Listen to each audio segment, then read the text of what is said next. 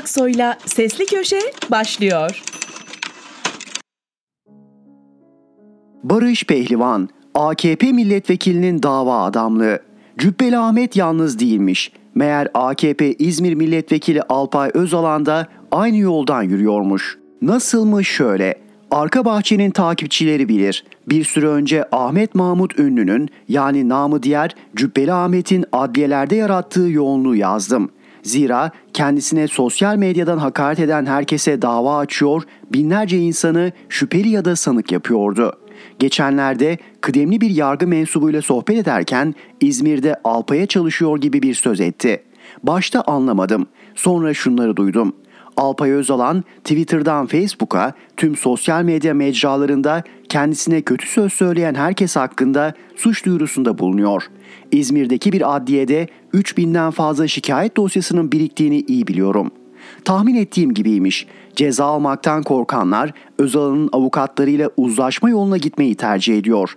Yani insanlar AKP milletvekiline para vererek sanık olmaktan kurtuluyor.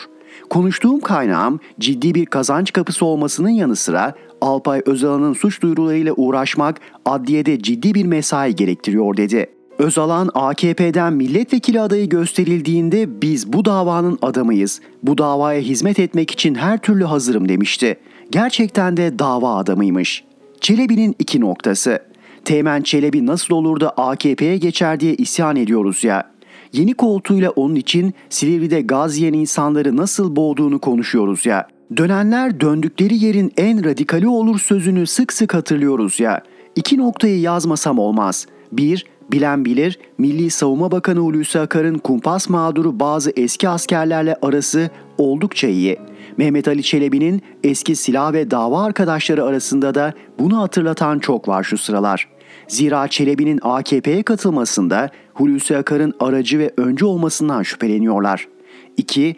Ülke koşar adım seçime giderken en çok konuştuğumuz konu haliyle sandık güvenliği. Nasıl olmasın? Gazetemizden Necati Özkan yazdı. Meğer 2017 referandumunda 104 ilçedeki 4659 mahallede hayır çıkması beklenirken tersi olmuş. Ülkenin kaderini değiştiren oylamada 2 milyondan fazla şüpheli evet tespit edilmiş. Seçim güvenliği açısından en sorunlu ilde Şanlıurfa'ymış. Peki şimdi AKP saflarına katılan Çelebi CHP'den aday olduğu 2018 seçimlerinde ne yaptı dersiniz? Sandık güvenliğini organize eden Sandık Gücü adlı oluşumun başındaydı ve Şanlıurfa'dan sorumluydu. Sahi kuzu kurda mı teslim edilmiş? Barış Pehlivan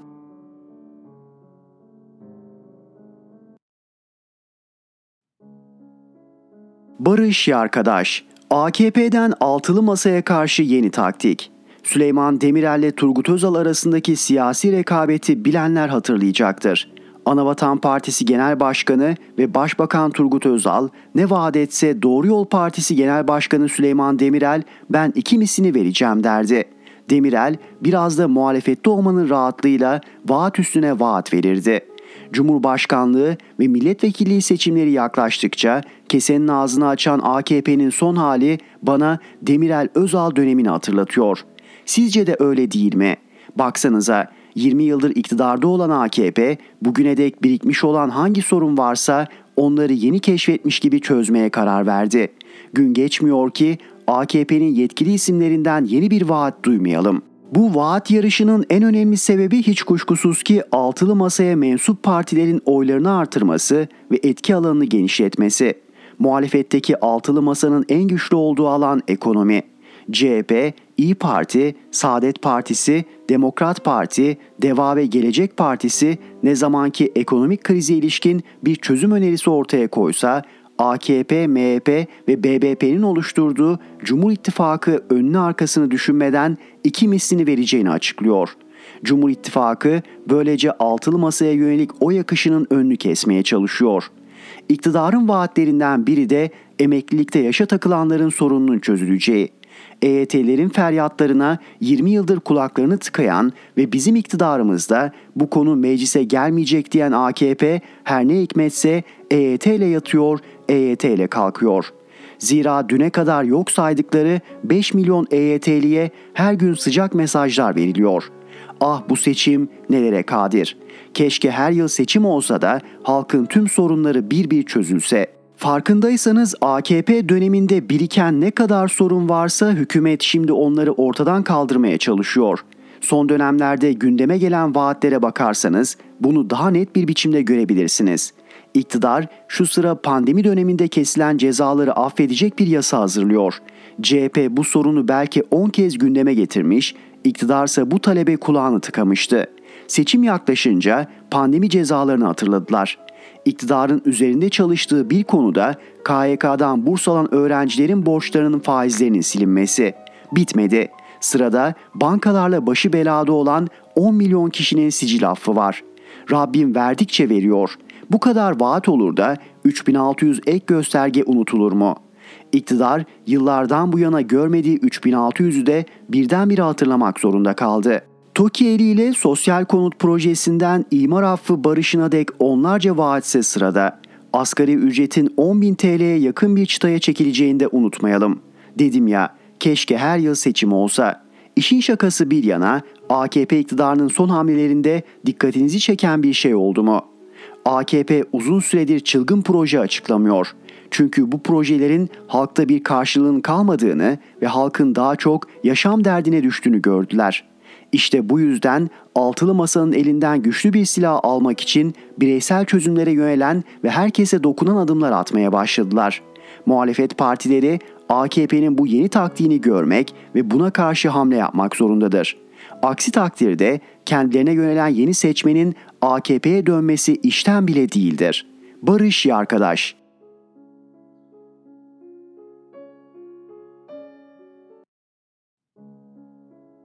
Fatih Altaylı bu yasayla vali yargılanırdı. Sansür yasası Türkiye Büyük Millet Meclisi'nden geçti. Tarihte böyle yasalar olmuştur. İlk değil, inşallah son olur. Bu tip yasalara genelde ya devrimler ya da karşı devrimler ihtiyaç duyar ya da diktatörlükler. Uzun soluklu, kalıcı olmazlar. Ama bir dönemi karartır, o dönemi yaşayanlara hayatı dar ederler.'' Farklılaşan, dijitalleşen, sosyalleşen medya Türkiye'de de iktidarın bu medyayı nasıl kontrol ederim, nasıl istediğim gibi yönlendiririm arayışına itmişti. Eskiden iş kolaydı. Devrimci ya da karşı devrimci devlet kontrolündeki radyo ya da televizyonu basar, yayınları önce durdurur, sonra kendi istediği doğrultuda yaptırırdı.'' Gazetelerin önüne ise birer manga asker yollanır, matbaa durdurulur, sansür yapacak ekipler kurulur, sansürden geçmeyen haber kontrol altındaki matbaada basılamazdı. Ancak teknoloji işi zorlaştırdı. Gazetelere el koyup iktidar kontrolündeki gruplara kamu kaynaklarıyla vermek yazılı medyayı devlet televizyonunun yanı sıra özel televizyonları da ya yandaşa vermek ya da gelirlerini engelleyip cezalarla canından bezdirmek veya lisanslarını iptal etmek artık iktidarları kesmiyor. Çünkü binlerce, on binlerce internet sitesi, milyonlarca sosyal medya hesabı var. Bunları tek elden ön denetime tabi tutmak, mevcut basın yasasındaki maddelerle hizaya getirmek mümkün değil. Başka bir şey denemek, farklı bir şey yapmak gerekiyordu. Bu sansür yasası tam olarak o başka bir şeydir. Bir denemedir. Çıkaranların işlerine yarar mı, istedikleri amaca hizmet eder mi emin değilim. Dahası ihtiyaçları olduğundan da çok emin değilim. Ve hatta yasa adil bir şekilde uygulanırsa iktidar yanlısı yayınların bu yasadan olumsuz etkileneceğinden eminim.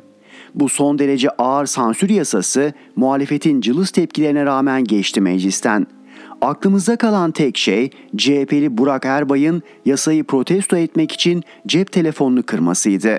CHP lideri ise yasa meclisten geçer, milletin hayatı karartılırken türban konusunda kazanımları kalıcı hale getirecek bir yasa hazırlama peşindeydi ve ardından ABD gezisine gitti. Bu yasa ile ilgili pek bir lafını, sert bir tepkisini duymadık, görmedik ve yasa geçti. Peki bu yasa geçen hafta geçseydi ne olurdu? Söyleyeyim. Muhtemelen bu yasanın ilk kurbanı İstanbul valisi Ali Yerlikaya olurdu. Değerli valimiz geçen hafta İstanbul'da bir evde meydana gelen bir patlamadan sonra hemen bir açıklama yaptı. Patlamanın doğal gaz kaynaklı olduğunu söyledi. Bunu kötü niyetten yapmadı elbette. Kendisine öyle söylenmişti muhtemelen. Vali bunu söyleyince tüm iktidar yanlısı basın ve iktidar kontrolündeki sosyal medya organizasyonları bu bilgiyi yaymaya başladılar. İgdaş, yahu o evde doğalgaz bağlantısı bile yok dedi ama iktidar gücünün yoğun gürültüsü altında herkes patlamanın doğalgazdan meydana geldiğine inandı. Al başına belayı. Yasa o gün yürürlükte olsa vali Yerlikaya yanıltıcı bilgi paylaşmaktan, iktidar medyası ise yanıltıcı bilgiyi yaymaktan ötürü bir anda yasanın radarına girecek, yargılanacaktı.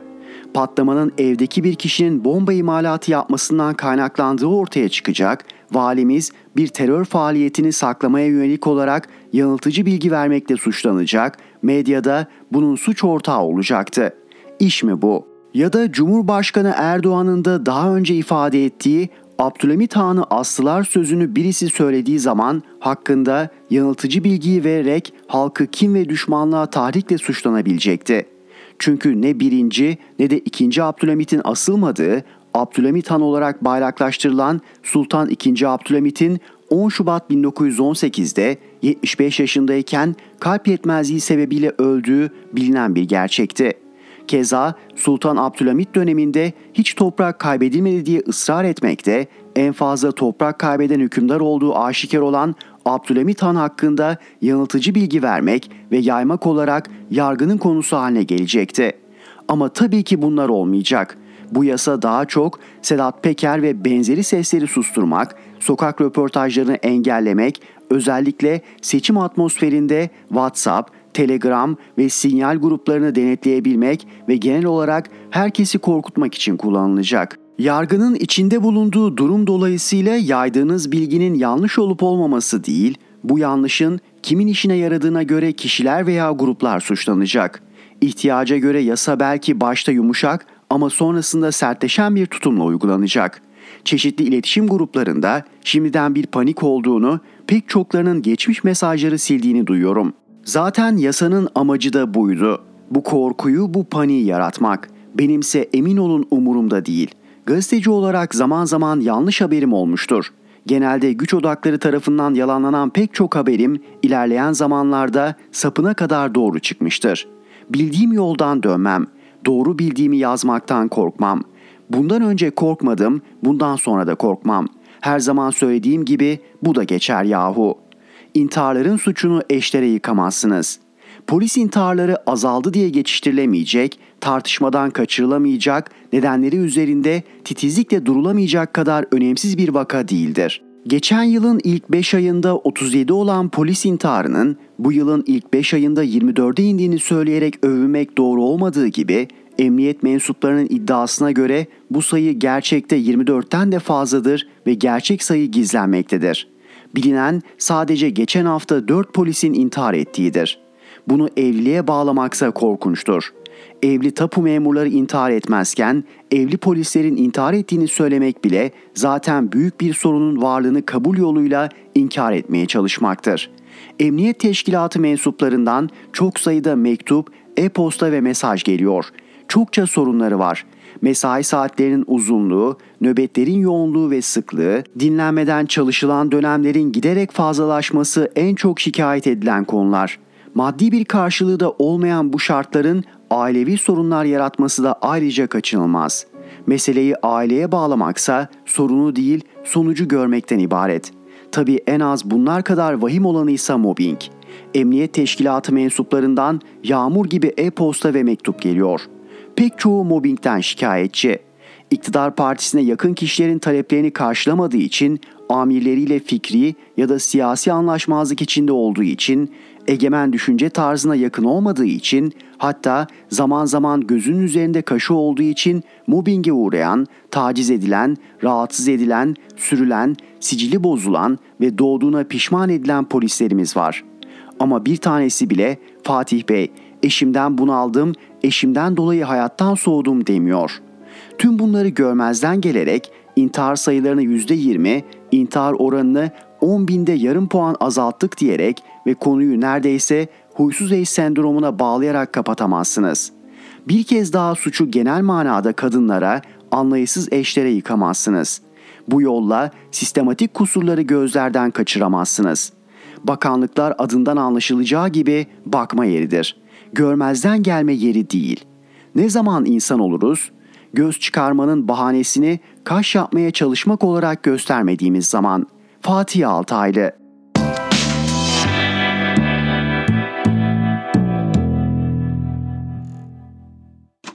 Erhan Gökayaksoy'la Sesli Köşe devam ediyor. Gürkan Hacır, Putin Vana'yı açarsa, Berlin duvarı 89'da yıkıldı. Ondan sonraki neşeli 10 yılında Avrupa zenginliğin ve özgürlüğün tadını çıkardı. Sıcacık evlerinde yediler, içtiler, eğlendiler. Ama böyle bir finali hiç hesaba katmadılar. Çevrecilerin etkisiyle nükleer enerjiye sırtını dönmeye başladığı 2000'lerde tek bir enerji kaynağına ve tek bir şirkete teslim oldular. Doğalgaz ve Gazprom. Neredeyse Avrupa'nın tek enerji kaynağı bu Rus şirketi oldu. Yani Avrupa farkında değildi. Ama yeni Kızıl Ordu artık Gazprom olmuştu. Gazprom Avrupa'da onlarca büyük sosyal organizasyonu üstlendi. Yetmedi, Şampiyonlar Ligi'nin ana sponsoru oldu. Onunla da yetinmedi, Alman Başbakanı emekli olunca yanına maaşlı eleman olarak aldı. Akıl alır bir şey değil ama Gerhard Schröder Gazprom'un danışmanı oldu. Avrupa'nın göz bebeği Gazprom'da artık. Hem en temiz enerjiyi sağlıyor hem de Avrupa'nın tüm sosyal projelerine destek yağdırıyordu. Oh mis ama saadet çok sürmedi. Gördük Ukrayna krizi bir anda savaşa dönüşünce Ruslara boykot başladı. Putin de Vana'yı kapattı. Şimdi Avrupa'yı tarihin en zor kışı bekliyor. Eyfel Kulesi'nde gece ışıklar söndürülüyor. Bir bakan çıkıp birlikte duş alın fazla su gitmesin diyor. Almanya meclisinde kalorifer az yandığı için battaniye dağıtılıyor. Üstelik kara kış daha kendini göstermedi. Bunun Kasım'ı, Aralığı, Ocağı var. Tek bir ülkeye enerji bağımlısı haline gelen koca Avrupa'nın bugünleri hiç hesaba katmaması akıl alır şey değil. Peki bizde durum ne? Epey oldu NATO ile ruhen vedalaştık. Adımız ve kimliğimiz orada kaldı sadece. Aklımız fikrimiz ise Avrasya'ya evrildi. Hem NATO üyesiyiz hem de Rusya ile kankayız. Bu Araf'ta durum Ukrayna kriziyle öyle bir hal aldı ki ne Batı ne de Rusya bizden vazgeçebilir. Bu ne kadar daha sürer bilmiyorum ama şimdilik durum bu. Dolayısıyla bu kış gaz kıtlığı bize vurmayacak gibi gözüküyor. Zaten Enerji Bakanı Dönmez geçen hafta doğal gaz depomuzun dolu olduğunu, bu kış bir sorun yaşamayı beklemediklerini söyledi. Ama asıl bomba Astana'dan geldi. Önceki gün Putin Erdoğan'la bir araya geldi ve dedi ki Türkiye'de bir gaz merkezi kuralım. Avrupa'ya gaz dağıtımını buradan yapalım. Beraber oluşturabileceğimiz bu gaz merkezi sadece bir tedarik alanı olarak değil, aynı anda bir fiyat belirleme alanı olarak da çalışabilir. Çünkü fiyatlandırma çok önemli bir konu. Gaz fiyatları şu anda çok yüksek ve biz sizinle fiyatları herhangi bir siyasi gölge olmadan normal pazar fiyatları seviyesinde sakin bir biçimde regüle edebiliriz. Yani Putin sadece vanayı açarım demiyor. Avrupa'nın vanasını da size kuralım diyor. Parayı da kafanıza takmayın aramızda hallederiz diyor. Putin'in bu ikramıyla koşar adım seçime giderken her gün yeni bir paket açıklayan iktidarın doğalgaza yapacağı süper indirim veya kısmi bedelsiz gaz hamlesi gelebilir. Elbette bu dar gelirli vatandaşlarımıza bu kış rahat nefes aldırır. İyi de olur. Ama Haziran'da kurulacak sandıkta da tüm dengeleri değiştirebilir. O hesabı yapanların Putin'in gazını hesaba katmaları gerekecek. Gürkan Hacır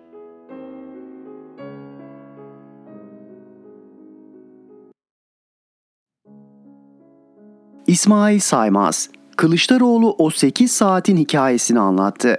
CHP Genel Başkanı Kemal Kılıçdaroğlu 4 günlük ABD seyahatini tamamladı. Kılıçdaroğlu dönüş için Washington'daki Dulles Havalimanı'nda uçağını beklerken gazetecilerin sorularını yanıtladı. CHP liderine 8 saat boyunca nereye kayboldunuz diye sordum. Kılıçdaroğlu bu düşüncesini bir gece önce otel odasında kurma ekibini açtığını ve onların büyük heyecan duyduğunu söyledi. Yaptığı plan gereği sabah havalimanına gitmesi beklenirken otomobille hızla New York'a giderek çekim yaptıklarını anlattı. Sordum, binayı görünce ne düşündünüz? Şu yanıtı verdi. Türkiye'den aktarılan servetle yapılan binayı görüyorsunuz. Gerçekten bir gökdelen. İktidar medyasında Pensilvanya'ya gittiğini söylendiğini hatırlattığımda parayı veriyorsunuz, İstediğiniz haberi yazdırıyorsunuz. Onlar gazeteci değil, tetikçiden gazeteci olmaz dedi. Ve en son Mehmet Ali Çelebi'nin nikah şahidi olduğunuz için pişman mısınız sorusunu yönelttim. Kılıçdaroğlu o zamanki Çelebi ile şimdiki Çelebi arasında dünya kadar fark var. Ben o zamanki Çelebi'ye nikah şahitliği yaptım diye yanıt verdi. Öte yandan Kılıçdaroğlu ile ABD'de temaslarda bulunan Hazine ve Maliye Bakanı Nurettin Nebati aynı uçakla döndü. İki siyasi uçağın iki ucunda oturdu. Kılıçdaroğlu 1A, Nebati 1C numaralı koltukta seyahat etti. İşte Kılıçdaroğlu'nun yanıtları. Gezi istediğiniz gibi geçti mi? Gayet güzel, düşündüğümden daha başarılı geçti. Türkiye için çıkarttığınız sonuçlar neler oldu? Siyaset kurumunun bilime, bilim insanlarına, üniversitelere düşündüğümüzden daha fazla değer vermesi ve kaynak ayırması gerekiyor. Bunları yapmadığı takdirde Türkiye'nin büyümesi, gelişmesi, bölgede güç olması mümkün değil. Görüştüğünüz her grup size seçim güvenliğini sordu. Türkiye'de seçim güvenliği konusunda endişe duyduklarını ifade ettiler. Endişe duymamaları gerektiğini, seçim güvenliğini sağlama konusunda CHP ve ittifak içinde olduğumuz partilerin ciddi hazırlıklar yaptıklarını ifade ettim. Umuyorum tatmin etmişimdir. Sizden talepleri oldu mu? Hayır olmadı. Söyledikleri şu oldu bilim insanları Türkiye'den pek çok politikacının Amerika'ya geldiğini ama lütfedip kendilerini ve üniversiteyi ziyaret etmediklerini, bilim insanlarıyla bir araya gelmediklerini, bunun ilk olduğunu belirterek umarız bundan sonra örnek alınır da devlet yetkilileri gelirken bir de üniversiteleri sorarlar diye sistemlerini dile getirdi. Bazı eleştiriler var. Akademiye mi gitti? Bilim insanları zaten Türkiye'ye geliyor. Gezi bunun için miydi gibi.'' Ufku dar olanların bu eleştirileri yapmasını doğal kabul etmek lazım. Onun dünyası o kadar zaten. Sabahtan akşama kadar partiler kavga etsin, o da oturup bir makale yazsın. O kadar. Dünya nereye gidiyor? Teknolojik gelişmeler ne? Türkiye'nin önündeki hedef ne? Bunları düşünmüyorlar. Bunu yazan adamın eminim Devlet Planlama Teşkilatı'nın kapatıldığından haberi bile yoktur. Üniversitelerin bu halde olduğundan haberi yoktur. Yaptığı eleştirinin ne kendisi ne siyaset ne de üçüncü kişi için yarar getirmeyeceğini bir makale okusa fark edecektir. Ama okumuyorlar, eleştiriyorlar. Deniyor ki neden gitmişken senatörlerle görüşmedi? Bunu tercih mi etmediniz? Tercih etmedim. Gittiniz görüştünüz diyelim. Siyasilere ne diyeceksiniz? Bugün bir genç arkadaş dışarıdan destek almanız gerekir gibi bir ifade kullandı. Söyledim yani dışarıdan desteğe ihtiyacımız yok. Özgür irademizle ülkemize demokrasiyi getirebiliriz. Demokrasiyi ülkeye getirmek için birisinden icazet almanın mantığı yok. Kendi irademizle dikta yönetimini demokratik yollarla sonlandırabiliriz. Bu da siyaset tarihine giren güzel bir örnek olur. Nasıl Kurtuluş Savaşı verirken örnek olduysak mazlum ülkelere demokrasi konusunda da örnek olabiliriz. 8 saat boyunca nereye kayboldunuz? Arkadaşlarımla oturduk otel odasında. Önce onları açtım. Düşüncem var diye. Doğrusunu isterseniz onlar da heyecanlandılar. Gitmeden bir akşam önce mi? Evet evet toplandık. Hangi açıklamayı yapacağız diye sordular. Açıklamayı söyledim tamam dediler. Kimsenin haberi olmaması lazım. Normal çalışmanıza devam edin. Havaalanına arkadaşları gönderin. Havaalanında genel başkan başka yere gitti, yetişirse gelecek diye söyleyin dedim. Bindik arabaya New York'a geldik. Yeri bulmak için biraz dolaştık. Sonra yeri bulduk. Binayı görünce ne düşündünüz? Türkiye'den aktarılan servetle yapılan binayı görüyorsunuz. Gerçekten bir gökdelen. Etrafındakilere göre biraz daha yüksek. Tabela görmedik. İçeri girmedik. Arabayı bir yere koyduk. Gürültü var tabi. Bu arada ambulans geldi. Ses bitmiyor. New York'un ambulansları meşhurdur. Dakika başına bir ambulans, bir siren. Neyse, ambulans gittikten sonra çekim yaptık. Hemen bindik araca, Washington'a doğru geldik. Benzin istasyonuna uğradık, hamburger almak üzere. Burada kimse beni tanımaz diye geziyorum. Birisi sizinle fotoğraf çektirebilir miyiz dedi. Türk müsün dedim, Türkmenistan'danım dedi. İyi gel bakalım dedim. Bina önünde sizi gören oldu mu? Hayır olmadı. Zaten çok kısa süre kaldık. Çekim yaptık ayrıldık. Çünkü size yetişmemiz gerekiyordu. Görüntüde bir metin mi okuyordunuz? Notlara bakıyordum. İktidar yanlısı kanallarda Pensilvanya'ya gittiğiniz, FETÖ'cülerle görüştüğünüz iddia ediliyor. Düzeysiz bir tartışma. Olayı bilmeden, araştırmadan, hatta sahte haritalar icat ederek yapıyorlar. Buna alışkınım. Parayı veriyorsunuz, istediğiniz haberi yazdırıyorsunuz. Onlar gazeteci değil. Tetikçiden gazeteci olmaz. Gazeteci araştırır bakar. Pensilvanya nerede? Bizim geldiğimiz yol nerede? Buna bakması lazım. En azından ilkokul mezunu birisi için yeterli bir şey. Haritayı açacak, nerededir, nereye gitti, ne oldu? İktidarı destekleyen medyanın ne kadar kirlendiğini gösterir. Bir medya bu kadar kirlenmemeli. Eleştirebilirler. Üniversiteyi niye ziyaret ettin diyebilirler. Siyasilerle görüşmen gerekiyordu diyebilirler. Hepsini saygıyla karşılarım. Ama yalan haber yapmaları buna çok alıştık. Yalan yanlış bir sürü şey. Temsilciler Meclisi'nden 3 üye görüşmek istemiş ve reddetmişsiniz. Bu iddia doğru mu? Siyasilerle görüşmeyeceğim diyorsunuz, geldikten sonra görüşürseniz doğru olmaz. Center of American Progress'le yaptığınız toplantıda Beyaz Saray, Senato ve Başkan Yardımcısı Kamala Harris'in ekibinden görevler varmış. Sizin bilginiz var mıydı? Kim gelecek onu saptama şansım yok. Bir ev sahibi var, davetliler geliyor. Tek hassas olduğumuz nokta FETÖ unsurlarından biri gelir bir provokasyon yapar. Bu konuda çok duyarlı olduk. Bernie Sanders meselesine açıklık getirebilir misiniz? Ne oldu da görüşme olmadı? Çok uzak. Gideceksin, geleceksin, yarım saat görüşeceksin. Dolayısıyla onu bıraktık. Yaptığınız gözlem ve görüşmeler kafanızdaki vizyona neler kattı? Dönüşte bir program önerisi yapacak mısınız?'' Konuyla ilgili bizden Faik Bey'in diğer partilerden aynı pozisyonda olan arkadaşların üzerinde çalıştıkları metin var. O metnin alt başlıklarından birisi bilim ve teknoloji. Yaptığımız gözlemler bizim metnimize girecek. Bu bizim hükümet programımız olacak. Aslında bu gezi kuracağımız hükümet programının açılımı olacak. Dezenformasyon yasası geçti. Ne düşünüyorsunuz? Özgür medyadan korkan bir iktidarın bu ülkeye hiçbir yararı olmaz. Nokta. Bir siyasetçinin ihtiyaç duyduğu şey sağlıklı eleştiridir. Eleştiriye tahammül edemiyorsanız, herkesi susturacağınızı sanıyorsanız olmaz. Eğer dezenformasyonla mücadele edecekseniz buyurun işte Yeni Şafak'ın, Aydınlığın, diğer gazetelerin manşetleri. Hepsi yalan yanlış. Getirdikleri düzenleme, sosyal medyada ciddi önlemler almak, gazetecilerin yazdığı yazıları sansürlemek, engellemek. Amaç bu zaten. Mehmet Ali Çelebi'nin nikah şahidi olduğunuz için pişman mısınız?'' Yo hayır. O zamanki Çelebi ile şimdiki Çelebi arasında dünya kadar fark var. Ben o zamanki Çelebi'ye nikah şahitliği yaptım. Onun AK Parti'ye geçmesi Retük'te üye sayısını değiştirdi. Soru şu, neden Retük Başkanı yazı yazmadı? Transferi beklediler. AK Parti'ye geçeceği duyumunu almış mıydınız?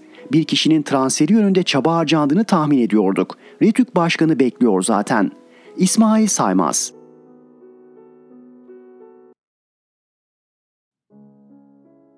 Mehmet Tezkan, rüzgar tersine döndü Erdoğan toparladı mı? Böyle bir hava yaratılıyor. Erdoğan'ı destekleyen, düzenin sürmesini isteyen yazarlar, çizerler, yorumcular her gün aynı sözü papağan gibi tekrarlıyor. Çözerse yine Erdoğan çözer, yaparsa yine reis yapar. Bir de not düşüyorlar. Başta ekonomik sorunlar olmak üzere. Sormuyorlar, söylemiyorlar, ağızlarına almıyorlar. Ekonomiyi bu hale getiren kim? Bizi yoksullaştıran kim?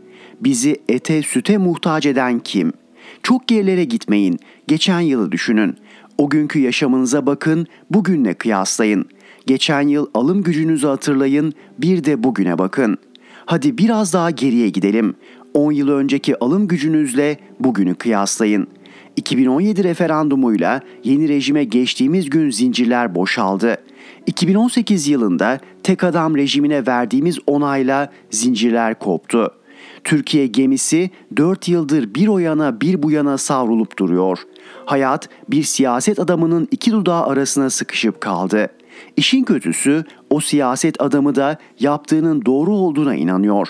Diyeceksiniz ki hal buysa yoksulluk, yolsuzluk, rüşvet diz boyuysa rüzgar neden döndü?'' Rüzgar neden Erdoğan'ın yelkenlerini doldurmaya başladı? Üç nedeni var. 1. Muhalefet tek yürek tek ses olarak seçmenin karşısına çıkamadı. 2. Erdoğan muhalefetin bu zaafını iyi kullandı. 3. Erdoğan hazine kesesinin ağzını sonuna kadar açtı.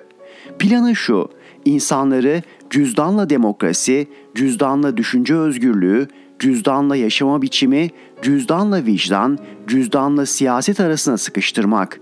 Ha bu, ha bu dedirtmek. Yap tercihini. Peki rüzgar Erdoğan'dan yana döndü mü?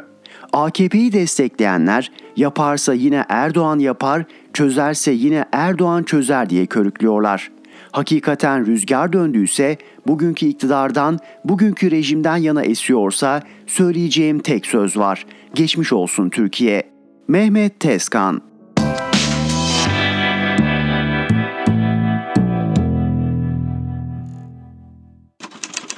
Erhan Gökayaksoy'la Sesli Köşe devam ediyor.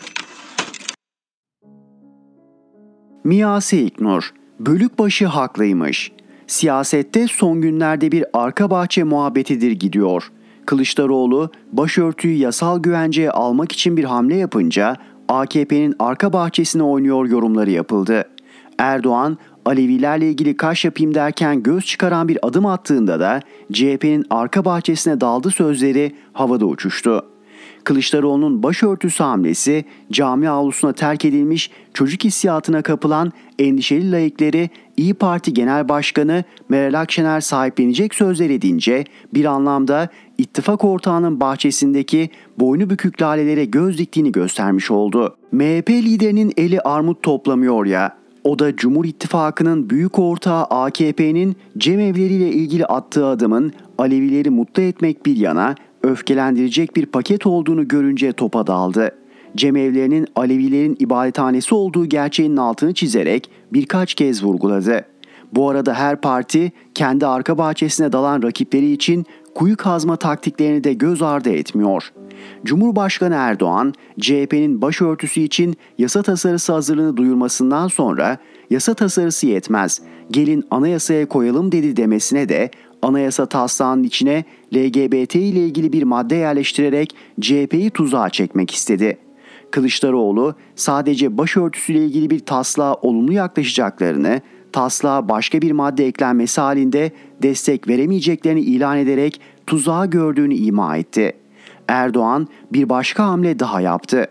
CHP'den vekil seçilip sonra Memleket Partisi'ne geçen ve oradan vekil olamayacağını görünce istifa eden Mehmet Ali Çelebi'yi daha önce reddetmesine karşın bu kez rozetini kendisi takacak kadar alay vala ile partisine aldı. Sadece o kadarla kalsa iyi. CHP'de parti meclisi üyeliği yapan, hiç çekinmeden zamanı geldiğinde genel başkanlığa talep açacağını söyleyen eski Barolar Birliği Başkanı'nı Kıbrıs'a büyükelçi olarak atadı. Cumhurbaşkanının bu iki isme yönelik hamlesi CHP'ye kuyu kazmak sayılmaz. Bence daha çok kendisine ve partisine kuyu kazmış oldu. Zira gerek Feyzoğlu gerekse Teğmen Çelebi'nin iktidardan düşmesi halinde AKP'yi terk etmeyeceğinin hiçbir garantisi yok. Hatta milletvekili listelerinde Çelebi adını görmezse yine direksiyonu kırıp soluğu başka bir partide alıverir. O alıverir de onu hangi parti güvenip alıverir işte orası muğlak. Şimdi gel de rahmetli Osman Bölükbaşı'na hak verme. Bölükbaşı partisinden seçilen milletvekillerinin seçildikten sonra başka partilere transfer olması üzerine tepesi atıp kendince bir önlem almıştı. Seçim öncesi listeye yazdığı mebus adaylarını notere götürüp başka partiye geçmeyeceğine dair sözleşme imza atıyordu. Aslında sorun başka partiye transfer olmakta değil. Giderken eski partisine gerçeğe aykırı saldırılarda bulunmak. Çelebi ve Feyzoğlu'nun geçmişi anımsatılarak bu keskin dönüşleri muhalefet medyasında eleştiriliyor. Feyzoğlu'ndan daha çok Teğmen Çelebi hedefe oturtulmuş durumda. AKP medyası ise bu yaptığınız linçtir. AKP'den de CHP'ye geçenler oldu, onlar için de aynı durum geçerli demiyorlar mı? Gel de gülme. Yahu AKP'den muhalefet safına geçenlerin hiçbiri kumpas davalarında sahte delillerle yargılanmadı. Teröristlerin muteber tanık, terörle mücadele edenlerin sanık olduğu bir davanın kurbanı olmadılar. Bu durum yeterince vahim değilmiş gibi Çelebi'nin milletin aklıyla dalga geçer gibi CHP'yi ve altılı masayı terörle iltisaklı gibi göstermesi insanı zıvanadan çıkarıyor. Aslında üzerinde durulmayacak kadar önem arz etmeyen biri ama bir dilini tutsa kimse belki bu kadar saldırmayacak. Behey zavallı teğmen eskisi. Senin ve silahlı kuvvetlerin en tepesindeki isimle birlikte birçok seçkin subayın yargılandığı davanın savcısı Erdoğan en muteber tanığı Şemdin Sakık değil miydi? Şimdi safına katıldığım parti geçen seçimde İmralı'daki terör örgütü liderinden mektup getirip Kürt seçmeni vesayet altına almaya çalışmadı mı? Bundan sonraki İmralı postacısı umarım sen olmazsın. Olursan da şaşırmayız. Malum keskin dönüş yapanlar yeni mahallelerine yaranmak için kraldan çok kralcı olurlar. Bir musibet bin nasihatten evladır demiş atalarımız. Partiler popstar vekil adayları peşinde koşmaya devam ederlerse daha çok çelebi vakası yaşarlar. Mia Seiknur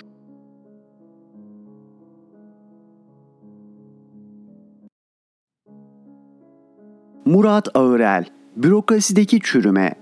Bugün biraz gündemden uzaklaşmak istiyorum. Tabii ki yine memleket meselelerini yazacağım. Fakat hemen her yazımda belirttiğim bir konu var. Kurumlardaki çürümeyi anlatıyorum. Bürokraside Cumhurbaşkanlığı hükümet sisteminin ardından bu durum hat safhaya çıktı. Bakın bunu her sene yüzlerce sayfa Sayıştay raporlarını okuyan bir gazeteci olarak söylüyorum. Gelin birkaç örnek vereyim. Kurum Sivil Havacılık Genel Müdürlüğü. Yasa açık. Denetçi özel ya da kamu kurumlarının yasa, yönetmelik ve genelgelere uygun bir şekilde hareket edip etmediğini denetleyen kişidir. Kamu ya da özel kuruluşlarda faaliyette bulunan denetçiler teftiş yapar ve gerekli raporları hazırlar. Tabii yazılı olarak böyle. Peki ya denetçiler denetlemeye gittiği işletmeci tarafından tüm masrafları finanse edilirse? Sivil Havacılık Genel Müdürlüğü denetçilerinin haberli ve habersiz denetimlerinde yol veya konaklama giderlerinin kurum fiyat tarifesinde belirtilen düzenlemeye istinaden denetlenen işletmelerce karşılandığı tespit edilmiş. Bir kamu kurumundan bahsediyoruz. Kurum personeli harcırah verilebilecek kimseler arasında sayılmış. Kurum denetçileri yetki ve sorumlulukların yerine getirilmesi amacıyla hava meydanları işletmeleri, hava yolu taşıma şirketleri ve hava araçlarına haberli ve habersiz denetimler yapıyorlar. Haliyle kurum denetçilerinin il dışı denetim görevlerinde konaklama, gündelik ve diğer masraflarının ödenmesi gerekiyor. Ancak yapılan incelemede kurum denetçilerinin haberli ve habersiz denetimlerinde yol ve konaklama giderlerinin kurum tarafından karşılanması gerekirken bu giderlerin denetlenen firmalar tarafından karşılandığı görülmüş. Kimse de yahu olur mu hiç dememiş. Kanunda bile görev yapılan kurumla iş, hizmet veya çıkar ilişkisi içinde bulunanlardan alınan seyahat bileti ve ücretsiz konaklamanın hediye alma yasağı kapsamında yer aldığı vurgulanıyor. Tabii kurumdaki tespitlerin bu kadarla sınırlı olduğunu düşünüyorsanız yanılıyorsunuz. Balonları biliyorsunuz değil mi? Hani dünya harikası Kapadokya ile adeta simgeleşen, doğa güzelliğini izlemek için genelde şafak vakti binilen balonlar. Türk vatandaşlarının binemeyip aşağıdan turistleri izlediği balonlar. Neyse, işte bu balonlar ticari balon işletme sahalarında özel taşımacılık yapan işletmelere ihale kanunu hükümlerine aykırı olarak ihalesiz ve süresiz şekilde slot tahsisi yapıldığı tespit edilmiş. Slot nedir diye düşünüyorsunuz? Anlatayım. Havacılık literatüründe slot terimi bir hava aracına belirli hava sahalarını belirli zaman dilimlerinde kullanabilmesi şeklinde verilen izindir. Slotun amacı kapasite sorunu yaşanan hava sahalarını düzenlemektir. Ticari balon işletme sahasında faaliyet göstermek isteyen firmalara bu işletme sahalarında sınırlı sayıda olan slot tahsisi yapılıyor. Bu slotlar ihale yöntemiyle 2 yıl süreyle tahsis ediliyor.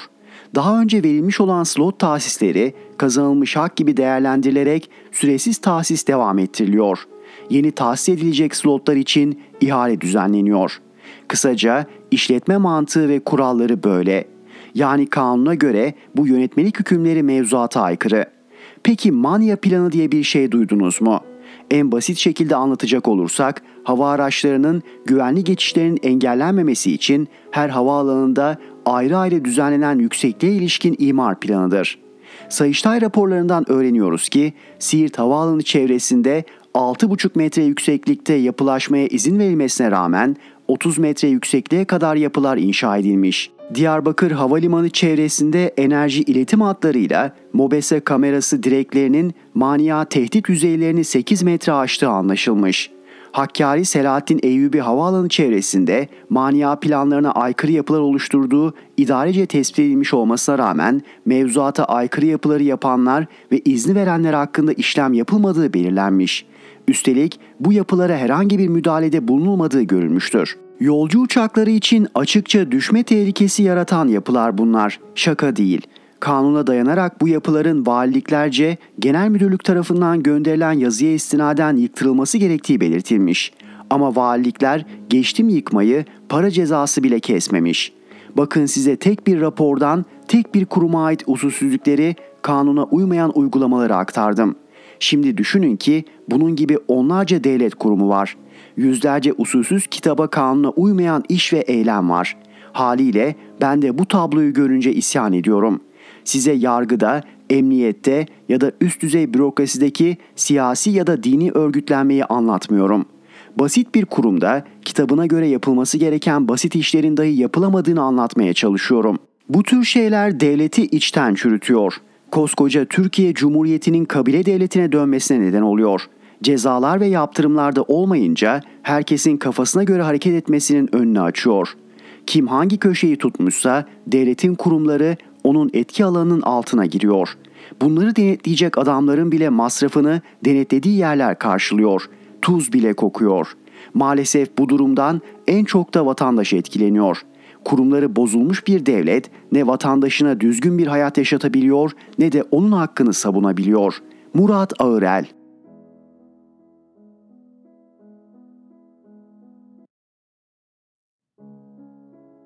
Naim Babiroğlu Rusya-Ukrayna savaşında nükleer silah kullanır mı? Avrasya Avrasya dünyanın en büyük kıtasıdır ve dünya nüfusunun yaklaşık %75'ini oluşturur. Dünyanın yeraltı ve yerüstü kaynaklarının çoğu Avrasya'da. Amerika Birleşik Devletleri'nden sonra ekonomik yönden en güçlü 6 ülke Avrasya'da yer alır.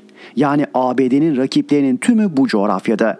Hitler ve Stalin Avrasya'ya hükmeden dünyaya hükmeder demişlerdi. ABD, Sovyetler Birliği'nin çöküşünden sonra dünyayı bir dev gibi rakipsiz bir şekilde kontrol etmek istedi. Jeopolitik ihtirasları doğrultusunda demokrasi kavramının altını oydu. Demokrasi getirme gerekçesiyle müdahale ettiği Irak, Libya ve Suriye gibi ülkeleri terör üretme çiftliğine ve kanın aktığı bir coğrafyaya dönüştürdü.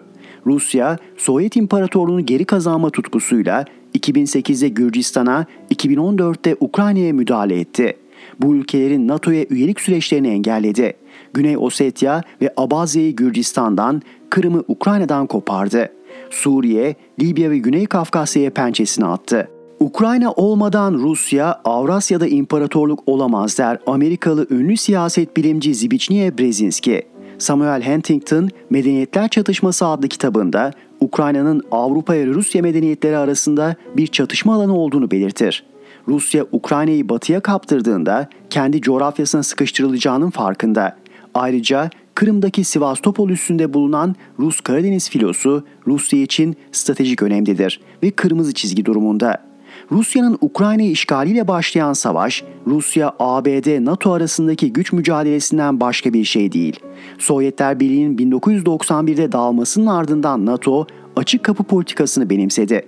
Sovyet coğrafyasında yer alan ve Varşova Paktı'na bağlı ülkeler 1999'dan itibaren NATO üyeliğine kabul edildiler. 1999'da Polonya, Macaristan, Çek Cumhuriyeti, 2004'te Bulgaristan, Romanya, Estonya, Litvanya, Letonya, Slovenya, Slovakya, 2009'da Hırvatistan, Arnavutluk, 2017'de Karadağ, 2020'de Kuzey Makedonya NATO üyesi oldular. 1999'da 16 üyesi bulunan NATO'nun ülke sayısı 30'a çıktı. NATO'ya katılan bu 14 ülke Sovyet ve Varşova Paktı'nın üyeleriydi. NATO 14 yeni ülkeyle Rusya'yı batıdan kuşattı. Rusya'yı vuracak silah sistemlerini Rus sınırına yerleştirdi. Ukrayna'nın kaybedilmesi Putin Rusyası'nın kalın kırmızı çizgisi. ABD, Finlandiya ve İsveç'in NATO üyeliğiyle Baltık ülkelerinden başlayarak Polonya, Romanya, Bulgaristan üzerinden Batı Karadeniz'i içine alan, Yunanistan'dan Doğu Akdeniz'de Girit'e kadar uzanan kuşakla Rusya'yı çevreliyor. Ukrayna'yı kaybeden Rusya kendi coğrafyasına sıkışmış olacak. Gelinen aşamada Rusya, Ukrayna'da işgal ettiği dört bölgenin ilhakını tanıdı ve Rus toprağı olduğunu ilan etti. Bu bölgelere yapılacak saldırı Rusya'ya yapılmış sayılacak önce Rusya'dan Avrupa'ya giden boru hatlarına, sonra Kırım'la Rusya'yı bağlayan stratejik önemdeki Kerç Köprüsü'ne saldırı yapıldı. Yani Putin'in kırmızı çizgileri hedef alınmaya başlandı. Putin gecikmeden şiddetle karşılık verdi ve Ukrayna'nın önemli noktaları Rusya tarafından bombalandı. Rusya bugüne kadar Ukrayna'nın başkenti Kiev merkezini bombalamamıştı. Bugün artık savaş başka bir evreye geçti. Peki Putin nükleer silah kullanır mı? Rusya şu dört koşulda nükleer silah kullanabilir. Rusya'ya karşı nükleer kitle imha silahlarının kullanılması, Rusya'nın stratejik hedeflerine saldırı yapılması, Rusya'ya karşı balistik füzelerin kullanılması, Rusya'nın toprak bütününe yapılacak saldırı. Putin yenilgiyle yüzleşebilecek bir lider değil. Kaderi savaşın sonucuna bağlı. Yenilgi Putin'in sonu demek. Bu açıdan bakıldığında yenilgiyle yüz yüze kalan bir Putin taktik nükleer silah kullanmaktan çekinmez. Putin'i durdurabilecek tek aktör Çin. Rusya'nın taktik nükleer silah kullanması ABD'nin işine gelir. Böylece ABD Rusya'yı dünyadan soyutlar, Putin de koltuğunu kaybeder. ABD savaşın başlangıcından bugüne Ukrayna'ya yaklaşık 17 milyar dolarlık destek verdi. Savaş uzayacak ve şiddetini artıracak. Barış masasına en fazla ABD karşı.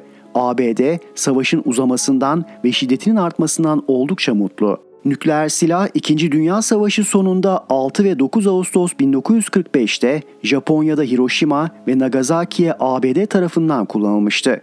77 yıl sonra bugün nükleer silah tehdidiyle yüz yüze kalan bir savaş ortamına gelindi. 5 Ekim 2022 itibarıyla ABD'nin ulusal borcu 31 trilyon doları geçti. ABD'nin tarihte olmadığı kadar bir savaşa ihtiyacı var. Ukrayna üzerinden Rusya'yı, Tayvan üzerinden Çin'i tehdit olmaktan çıkarma amacında. Ayrıca silah satışında rekor kıracak. Para için savaş, savaş için para. ABD bu savaş çarkını hızlandırıyor. Taktik olmadan strateji zafere giden en yavaş yoldur. Strateji olmadan taktik yenilgi öncesi yapılan gürültüdür der Sanzu. Milattan önce 500. Satranç taşlarını en iyi kim oynayacak? Putin mi, Batı İttifakı mı? Naim Babiroğlu Rifat Serdaroğlu Sultanlar da ölür. Korkunun ecele faydası yoktur demiş büyüklerimiz. Doğru demişler. İster sultan ol cihana, ister saraylarda sakla kendini, ister çelik kapılarla koru bedenini, iğne deliğinden girer, görevini yapar Azrail. Önemli olan bu dünyada başın dik, yüreğin huzur dolu, korkusuzca dolaşabilmekse eğer bundan daha önemli olan harama bulaşmadım, kul hakkı yemedim, devlet malına el uzatmadım, milletimin bana emanet ettiği devlet gücüyle insanlara eziyet etmedim. Gözlerinin çıkmasına, gençlerin suçsuz yere ölümlerine sebep olmadım. Ben kanunsuz emir vermedim. Milletime yalan söylemedim, insanlar arasında ayrım yapmadım, hoş geldin ya Azrail, hadi gidelim diyebilmektir. Sultanı bu aralar hiç iyi görmüyorum.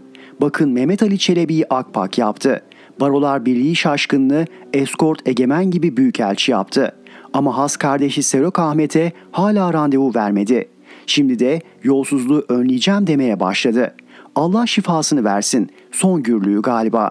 Kenara çekil, kendini yorma dinlen desem beni de büyükelçi yapmaya kalkacak. En iyisi hiç karışmamak. Sarayda öyle bir telaş, öyle bir koruma kalkanı var ki dünyada bu kadar hassas korunan bir ikinci kişi yok. Yiyeceği yemeği sırayla 5 kişi teker teker tadıyorlar. Korumalar boyu en az 2 metre olanlardan seçiliyor. Son teknolojiyle üretilmiş silahlar taşıyorlar ve sık sık değiştiriliyorlar. Yakında emniyet teşkilatında koruma olmayan kalmayacak. Sıra vesayetçi askerlere gelecek iyi mi?'' Demir parmaklıklar, binlerce otomatik ve renkli kameralar, çelik duvarlı odalar, yeraltı kaçış tünelleri, radyolojik, biyolojik saldırıya karşı oluşturulmuş uzman ekipler, donanımlar, komple hastane, ambulanslar, 7-24 hazır bekleyen helikopterler ve uçaklar. Bu kadar koruma tedbiri sağlıklı insanların bile paranoyak olmasına, çevresindeki her olaya sabotaj gözüyle bakmasına ve sonunda sağlığının bozulmasına sebep olur. İnsan gölgesinden ve ailesinden bile sabotaj bekler hale gelir. Tarihten bir örnek vermek gerekirse Hitler'in yakın koruma görevini üstlenmiş General Zart, görevinin ikinci yılında baskıdan ve korkudan kafayı kırmış ve evdeki kedi miyavlasa bile sabotaj sanıp kediye ateş etmeye başlamıştı. Hitler Afrika'ya gidebilirim deyince koruma tedbirlerini denetlesin diye General Zaart'ı önceden gemiyle göndermişler. Gemi bir fırtınada batınca General Zaart yüzerek bir adaya çıkmış. Adada yaşayanların tamamı kadın.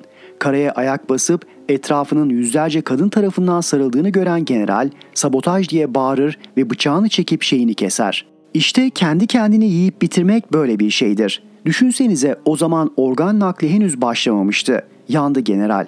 Sultanımızın koruma müdürlerinin böyle bir paranoya tutulup bir yerlerini kesmelerinden ve bu eylemlerini de saraydaki prensese ve şehzadeye suikast diye bize satmalarından korkarım. Endişem ve telaşım bundandır. Bu yüzden korkunun ecele faydası yoktur sözünün sarayın tüm duvarlarına asılmasını önemli ve şiddetle öneririm. Son günlerde sultanın iyice bozulan sinir sistemini düzeltmek için jöleli danışman bir aksiyon düzenleme kararı aldı.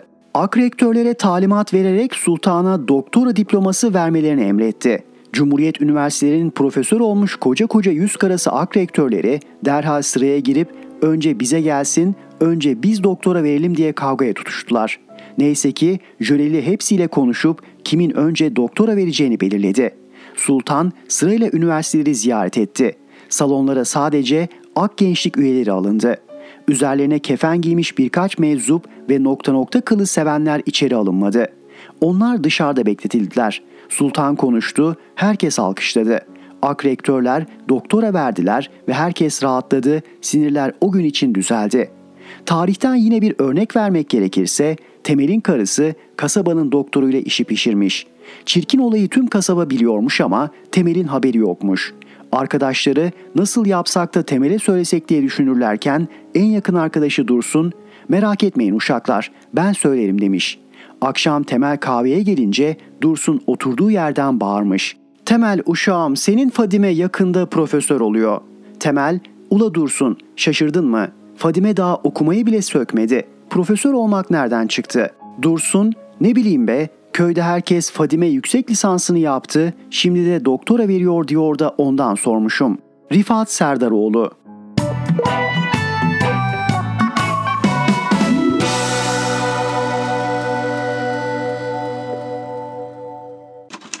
Erhan Gökayaksoy'la Sesli Köşe sona erdi.